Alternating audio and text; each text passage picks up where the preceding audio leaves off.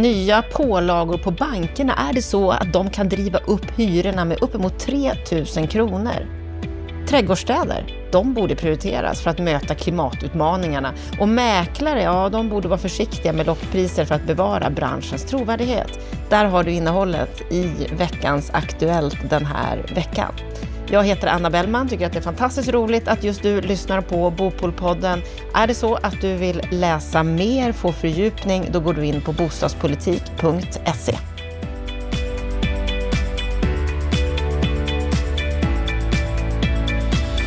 Under veckan som har gått så kan vi bland annat läsa en krönika som vår kollega Lennart Weiss har skrivit i Fastighetstidningen, där han varnar för höga hyror, höjda hyror på grund av höjda kreditrestriktioner av kommersiella fastigheter. Och rubriken på den här krönikan, det är Bolund startar om Sverige med ökade hyror.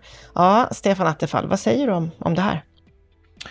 Ja, det är ju Lennart som har eh, identifierat de här hoten som kommer ifrån olika typer av kreditrestriktioner som ja, den vanliga människan inte upplever rör dem själva. Men eh, det är alltså mot kommersiella eh, fastighetsbolag och där finns ju hyresrätterna i hög grad.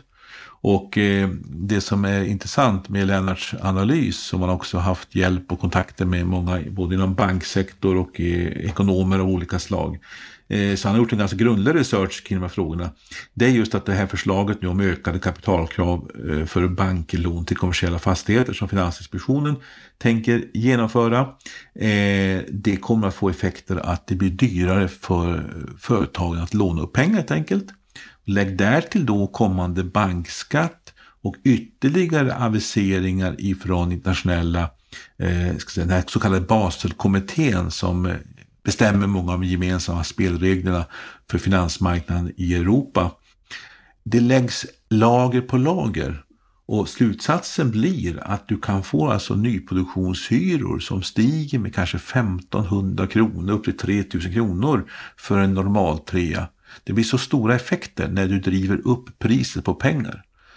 Sen är, beror det självklart på hur belåningsstrukturen ser ut i företaget. Så det kan slå olika med olika typer av företag. Men vad som är poängen här med Lennarts krönika det är att smygvägen driver man upp priset på pengar. Det slår mot kapitalintensiva investeringar som i hyresfastigheter. Det blir högre hyror. Exakt hur mycket och exakt hur snabbt det slår igenom är svårare att bedöma men det handlar om stora belopp. Och det gör att det blir helt enkelt ännu svårare att bygga hyresrätter och det är det som är rubriken. Bolund startar om Sverige med ökade hyror. Alltså säga, man låter det här införas utan att eh, göra en riktig analys och som blir då ska säga, den så kallade omstarten efter coronaepidemin. Det blir bara sämre villkor för hyresrätten i det här fallet. Mm.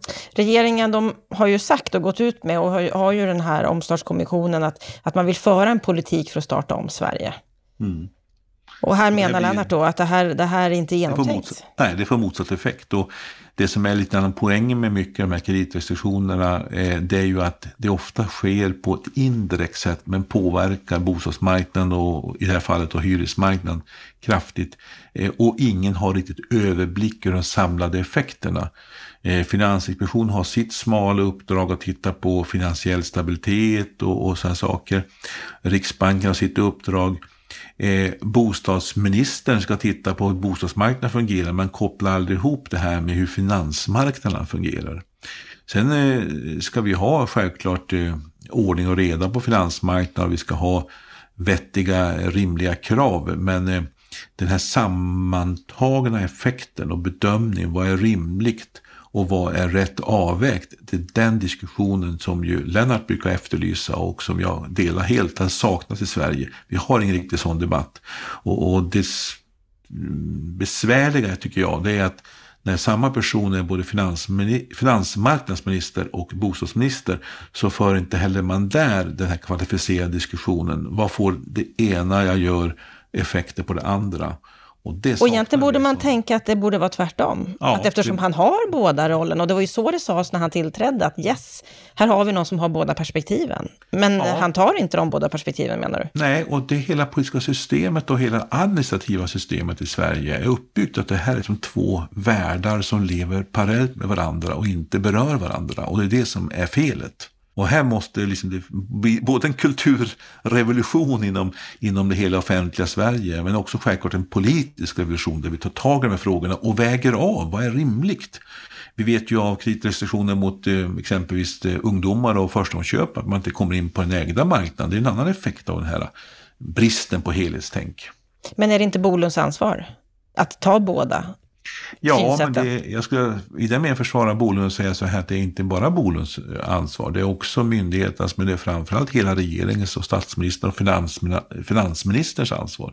Och det är här som är bristen. Och det är också dilemmat med hela bostadspolitiken. Det är att den, den, den har lite svårt att få det helikopterperspektivet. Man uppifrån ser på de alla olika delarna i eh, politiken som berör bostadsmarknaden. Vi har ett liknande dilemma har vi kring miljöbalken och miljölagstiftningen som också gör det dyrare att bygga. Och strandskydd och riksintressen och liknande saker som påverkar byggandet. Som inte heller har det helhetstänkandet med bostadsbyggandet. Mm. Hela regeringens ansvar. Vi får hoppas att de tar tag i det, för det behövs ju. Om vi går vidare så har vi en krönika på bostadspolitik.se om trädgårdsstäder av Monica Andersson, där hon ifrågasätter varför det inte planeras trädgårdsstäder och låga hus i trä i någon omfattning att tala om idag. Mm. Vad är det hon är kritisk till här, Stefan? Jag tycker att det är en spännande krönika och, och eh, det här bevisar att det finns mycket läsvärt på bostadspolitik.se. Men hon pekar just på detta att vi pratar ju nu om att vi vill jobba mer hemma. Vi vill ha eh Eh, på grund av coronan exempelvis, eh, men också att vi vill ha mera småskalighet och vi talar om trähus för att vi ska minska klimatbelastning. Och eh, vi vet också undersökt att människor vill bo ofta lite mer småskaligt och i i trädgårdsstäder exempelvis. Och då säger hon just detta, varför planerar man inte mer för trädgårdsstäder med låga hus i trä, i, i, där man har bra kollektivtrafikförsörjning, egen trädgård, där man också kan bidra till biologisk mångfald och man kan eh, odla sina egna eh, grödor och sådana saker. Och sen åka kollektivt till arbetet, som sagt var. Det är eh, eh, sånt som hon efterlyser och förundras över att inte stadsplaneringen i högre grad eh, är inriktad på detta. Och så pekar hon på att Nynäshamn tydligen har tagit fram någon strategi för detta och eh, tänker jobba utifrån idén under rubriken Människan i centrum där hela kommunen utvecklas. Och det är väl ett eh, exempel på en kommun som försöker ta steget i rätt riktning. Men det här är alldeles för lite av runt om i Sverige. Eh, så jag tycker hon är inne på ett spännande spår och eh, något som har bekräftats av flera andra också. Så att eh, Monica Andersson som ju är forskare just nu om, om just så här stadsbyggnadsfrågor är ju gammal politiker också ifrån Stockholms stad en gång i tiden. Hon var borgarråd för Socialdemokraterna men hon pekar på någonting tycker jag som är väsentligt. Mm. Och tycker du att, att det stämmer, det här med trädgårdsstäder, att, att vi inte riktigt vill ha det idag på samma sätt som tidigare? Ja, det finns ingen, alltså det finns, alla undersökningar visar att människor vill bo eh, vill äga sitt boende och att man också vill gärna bo i ett småhus i olika former. Och det, stadsplaneringen möter ju inte upp det önskemålet. Vi ser också hur småhuspriserna har stigit men byggnaden faller. Det är ju någonting som är konstigt här. Det är ett utbudsbrist helt enkelt.